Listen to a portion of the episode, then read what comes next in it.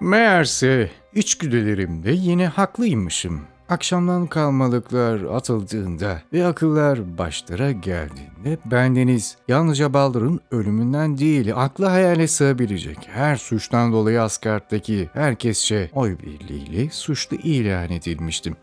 Herkes bir defa daha onları kızdıran bir davranışımı hatırladı. Tabii benim hakkımdaki hiçbir olumsuz iddiaya inanmayan Segin ve herhangi bir kişi hakkındaki hiçbir olumsuz iddiaya inanmayan İzun hariç. Lakin geri kalanlar yetti de arttı bile. Bilhassa gözü dönen Skadi. Hemen oracıkta kellemi isterken Heimdall bana eskiden beri güvenmediğini ve daha en başta sözünü dinleseydiler Asgard'da kendime asla yer edinemeyeceğimi diğerlerini hatırlatmaktan geri kalmadı. Sonunda zayıflığını sezdiği yaşlı adamla yüzleşti. Ne yapacaksın diye sordu. O da Loki hepimize birden savaş ilan etti. Peşine kaosu da takıp Asgard'a saldırmasını mı bekleyeceksin yoksa onu yanına almakla hata yaptığını nihayet itiraf mı edeceksin diye sordu. Odin hafifçe hırladı. Eh en azından ben de öyle yaptığını hayal ediyorum. Elbette orada bulunmadığımdan bunların hiçbirini duymadım. Fakat isabetli bir tahmin yürütebilecek kadar müteakip diyalogları duydum. Hem zaten yaşlı adamı sandığından daha iyi tanıyordum ve er geç bir taraf seçmesinin gerekeceğini biliyordum. Hangi tarafı seçtiğini doğru tahmin edenlere hediye verecek değilim. Onu suçladığım da yok. En azından çok fazla suçladığım diyebiliriz. Eğer beni suçlu ilan etmeseydi diğerleri ona karşı cephe almaya hazırdı bile. Elbette onları müşterek bir nefrette buluşturacak bir vasıta olmak hariç artık işe yarar bir tarafım kalmamıştı. Ve o noktada yaşlı adamın düzeni, kaostan çok daha fazla ihtiyaç duyduğunu biliyordum. Ah, böylece av başladı. Yakalanırsam başıma gelecektir elbette biliyordum. Saklanabileceğim koskoca dokuz alem ve kendimi gizlemekte kullanabileceğim günler vardı. Hem gizlenmekte becerikliydim fakat tek başıma ve arkadaşsızdım. Öte yandan Odin'in kuzgunlarına, halkına, casuslarına ve kahinine sahipti. Dokuz alemin bir ucundan diğerine kadar halemi aradılar. Demir koruda ve ardından kuzey diyarda izimi buldular. O izi öte dünyada kaybettiler. Sonra dağlarda yeniden buldular. Sürekli hareket halinde kalarak kendimi örttüm. Ne zaman fırsatını yakalasam suret değiştirdim. Sonunda kendimi neredeyse güvende hissettiğim bir yer buldum. Kriz sona erip de öfkeleri dininceye kadar sağ kalabilmeyi umarak saklandım. Fakat tanrılar amansızdılar. Önce tılsımla gökyüzüne yazarak bana bir sürü iltimatom verdiler. Verdikleri ultimatom aynen şöyleydi. Teslim ol.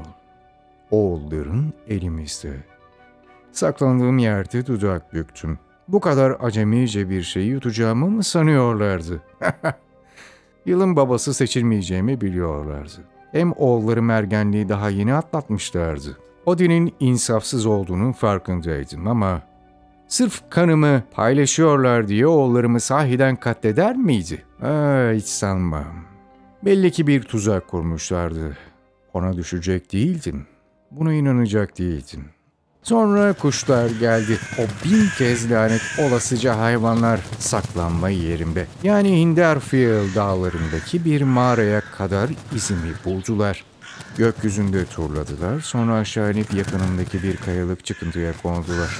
Onların tılsımından tatırmayı düşündüm ama Hugin'le Muni, Odin'in korumasını taşıyorlardı ve en iyi atışımın tüylerini alazlayabileceğinden bile kuşkuluydu. Bunun üzerine yalnız olup olmadıklarını kontrol ettikten sonra onlarla konuşmak için dışarı çıktım. Ne istiyorsunuz? Daha iri kuş gakladı. Konuşmakta zorlanır gibi gözüken ufa, hüsrana benzer bir edayla diğerini gagaladı. Basta! Dedi hırıltılı bir sesle. Sarı gözleri yine umutla parlıyordu. Mümkünatı yok. Odin ne istiyor dedim. Daha küçük kuş. Muni kanatlarını çırptı. Yak, yak, geri gel. Ne yani? Bütün bu lüksü terk mi edeyim? Hayır, sanırım yerli yerimde kalacağım dedim. Munin yine kanatlarını çırptı. Bugün de yaygaraya katılarak ayaklarının altındaki kayayı gagaladı. Kanatlarını çırpıp gakladı. Loki, Asgard'da, yak, iki, dedi ünsüz harflerle zorluk. Çektiği anlaşılan Munin. İki oğul, doğru. Sabırsızlanıyordum. Ve eğer yaşlı adam sırf onları rehin tutuyor diye teslim olacağımı sanıyorsa yak yak diyen Hugin yeniden kayayı gagalamaya başladı. Gagalamalar yavaş ve ölçülüydü. Her biri yaklaşık bir saniye aralıklıydı. İki saniye. Üç saniye. Hugin zamanı ölçüyordu. Ona şaşkın gözlerle baktı. Ne yapıyorsun? Bu da ne? diye sordum. Yak 60. Yak 60. 60 mı? 60 saniye mi? Neye kadar 60 saniye? Dedim. Ama cevabı anlamıştım. Kuşlar dil konusunda sıkıntı çekiyor olabilirlerdi ama Odin'i çok iyi tanıyordum. Yaşlı adamın benim kadar insafsız olduğunu unutmayın sakın. Beni can evimden vurmak istiyordu. Ve o da beni çok iyi tanıyordu. Bugün geri sayımı sürdürüyordu. 20 saniye, 25. Bekle dedim aniden ürpererek. Geri gel, geri gel dedim Odin. 30 saniye. Tık, tık. Her biri bir çekiş darbesi gibiydi. Yaşlı adamın beni o lanet olasıca kuşların gözünden seyrettiğini, düşüncelerimi tahmin edip beni köşeye kıstırmaya çalıştığını biliyordum. Bu tuzağa düşmeyeceğim dedim. Buddy ile Narvi'nin benim gözümde hiçbir değeri yok. Tık, 40 saniye. Tık elinde hiçbir pazarlık kozu olmadığını biliyorsun. Deyip kendimi cesur, küstahça bir tebessüm etmeye zorladım. O olanlar bana değil, Sigin'e aitler. Onları öldürmek hiçbir şey değiştirmez. O yüzden hiç durma kardeşim. Yap yapacağını. İcaplarına bak. Vicdanı olan sensin, ben değil. Eh, kendini şanslı hissediyor musun? Bu oyunu oynayacak mısın? Yoksa...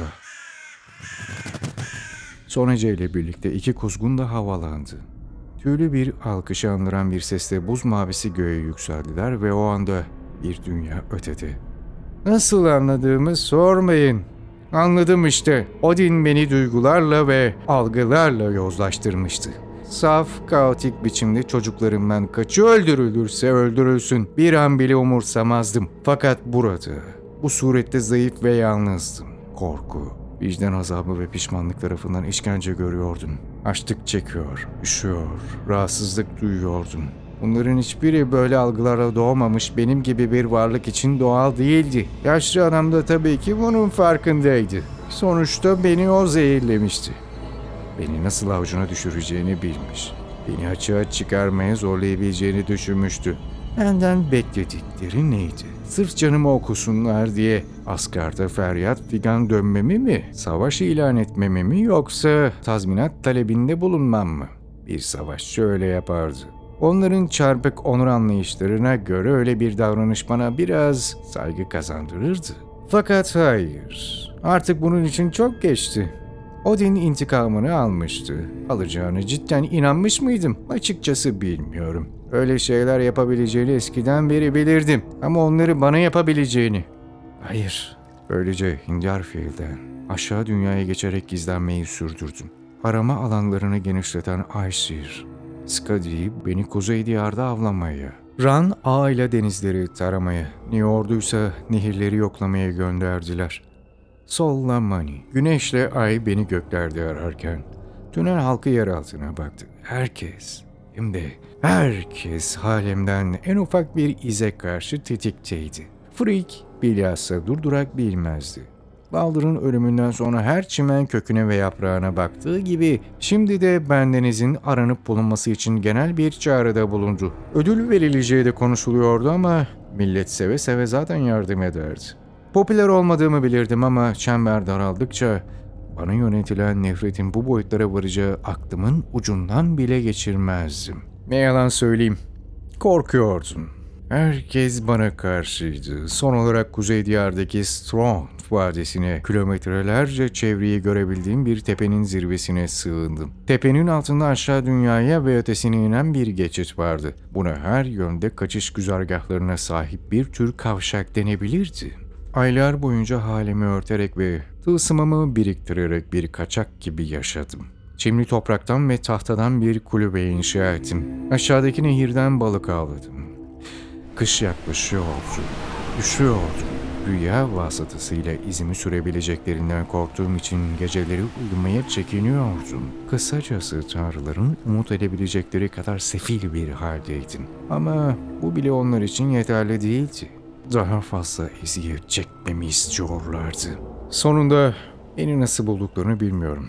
Belki sahiden de rüyayı kullandılar. Sonuçta uyumaya mecburdum. Her halükarda avlarının kokusunu almış kurtlar gibi gizlenme yerimi kuşattılar. Hızla kapanan bir gün ışığı ağına benzer halelerini çok geç fark ettim.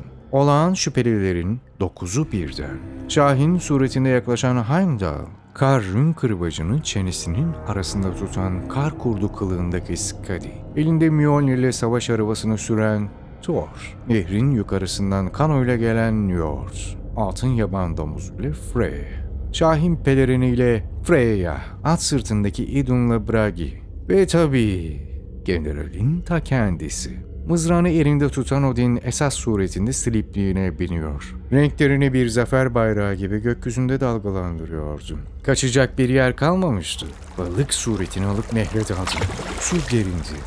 Belki nehir yatağındaki taşların arasında saklanabilirdim. Fakat nehirler New York'un mıntıkasıydı. Renklerimi bir şekilde görmüş olmalıydı. Balıkçı ağını kemerinden alıp suya attı. Uçlarına ağırlık bağlamış file kader gibi üstüme kapandı. Ayrıntılarla canınızı sıkmayacağım.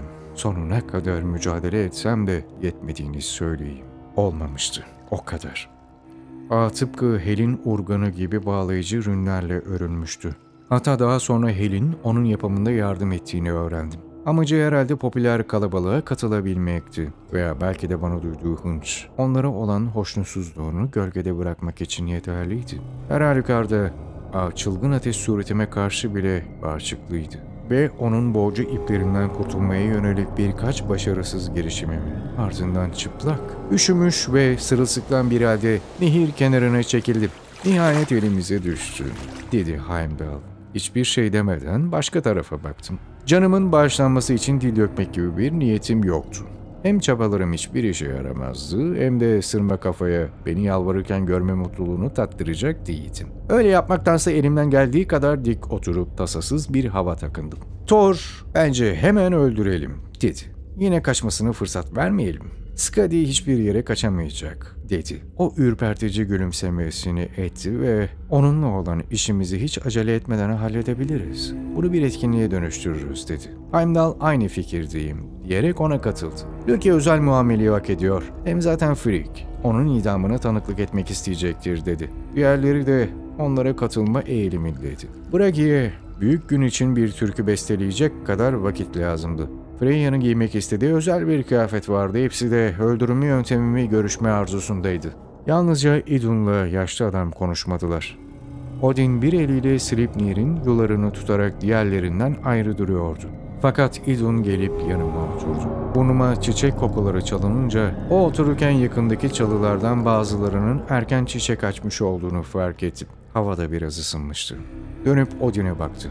Bunu yapamazsınız dedi. Heimdall burun kıvırdı. Nedenmiş diye sordu. Çünkü o bizden biri diye cevap verdi Yedun. Eh, işte o konuda yanılıyordu. Asla ama asla o kafiledekilerden biri olmamıştım. Beni bir an önce öldürün dedim. Yeter ki Bragi'nin uç çalmasına müsaade etmeyin. Idun gene Odin'e baktı. Söz verdin. Bunun ne anlama geldiğini biliyorsun dedi. Ben söz falan vermedim dedi Skadi. Diğeri de Heimdall onu onayladı. Loki'nin ölmesi lazım. Yaşamasına izin verilmeyecek kadar tehlikeli. Kahinin ne dediğini duydum. Zamanı gelince sefil canına karşılık bizi surtura satacak, dedi. Demek Odin kehaneti sırma kafayla paylaşmıştı. Ha, bunu neden beni şaşırttığını merak ettim. Yaşlı adam kehaneti ben hariç herkesle konuşmuş. Şarap mahzeninin içeriğini tüketirken anlamını ötekilerle uzun uzadıya tartışmış olmalıydı. Neticede tanrıları en acımasızca ve gizli saklı yoldan saldırmış olan hain Loki bağışlanmaya karşılık onları Surtur'a satacaktı. Ah keşke. O noktada Surtur'un kimseyle anlaşma yapmadığını izah edebilirdim. Takaslar, müzakereler, ateşkesler, anlaşmalar. Surtur öyle kurallara göre oynamaz. Hainlere de diğer herkese ettiği gibi muamele eder. Koskoca deniz, farklı ve ufacık kum taneleri arasında ayrım gözetmez. Her şeyi kaplar ve hiçbir güç onu durduramaz. Fakat Odin düşünceli gözüküyordu.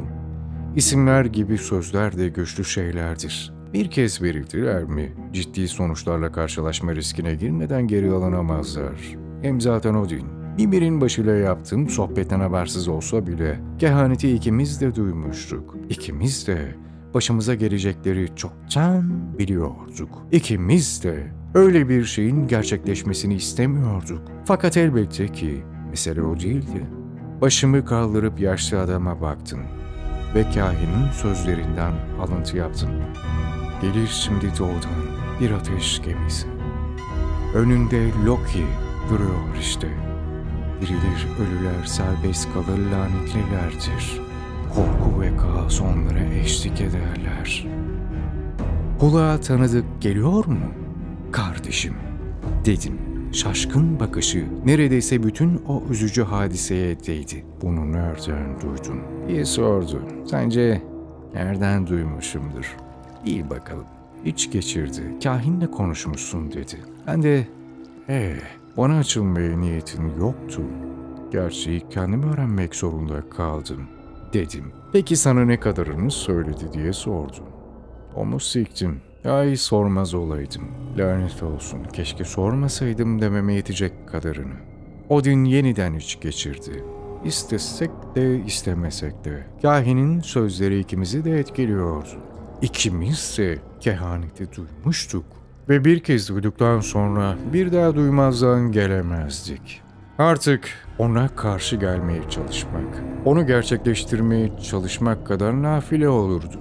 Sonuçta her iki hareket tarzına da kehanet yön verirdi. O başın, o lanet kellenin bana söylediği gibi. İnsan kaderiyle genelde ondan kaçarken karşılaşırdı. Dolayısıyla Odin her ne yaparsa yapsın kahinin oyunu oynayacaktı. Dönüp diğer tanrılara hitap etti. Onu öldürmek gibi bir seçeneğimiz yok dedi. Ama dize getirilmesi lazım. Skadi bunu ben yapabilirim dedi. Ölülerin işbirliğini çok hevesli olduklarının tecrübelerinden bilirim dedi. Hayır dedi Odin başını iki yana salladı. Thor aklından ne geçiyor diye sordu. Hapis dedi Odin. Kehanetin anlamını çözünceye kadar onun serbest kalmasını göze alamayız. Onu güvenli bir yerde tutup... Sözünü kestim. Bekleyin. Biliyorum. Bir kez daha kahinden alıntı yaptım. Sarayın altında bağlı birini görürüm. Durur nehirler kazanında. Sefil ve gariban Loki'ye benzer. O eziyet çekerken bir tek karısı bekler yanında. Odin bana kötü kötü baktı. Pek de bilgiliymişsin dedi. Dudak büktüm. Senin gibi. Ben de geride kalmaktan pek hoşlanmam.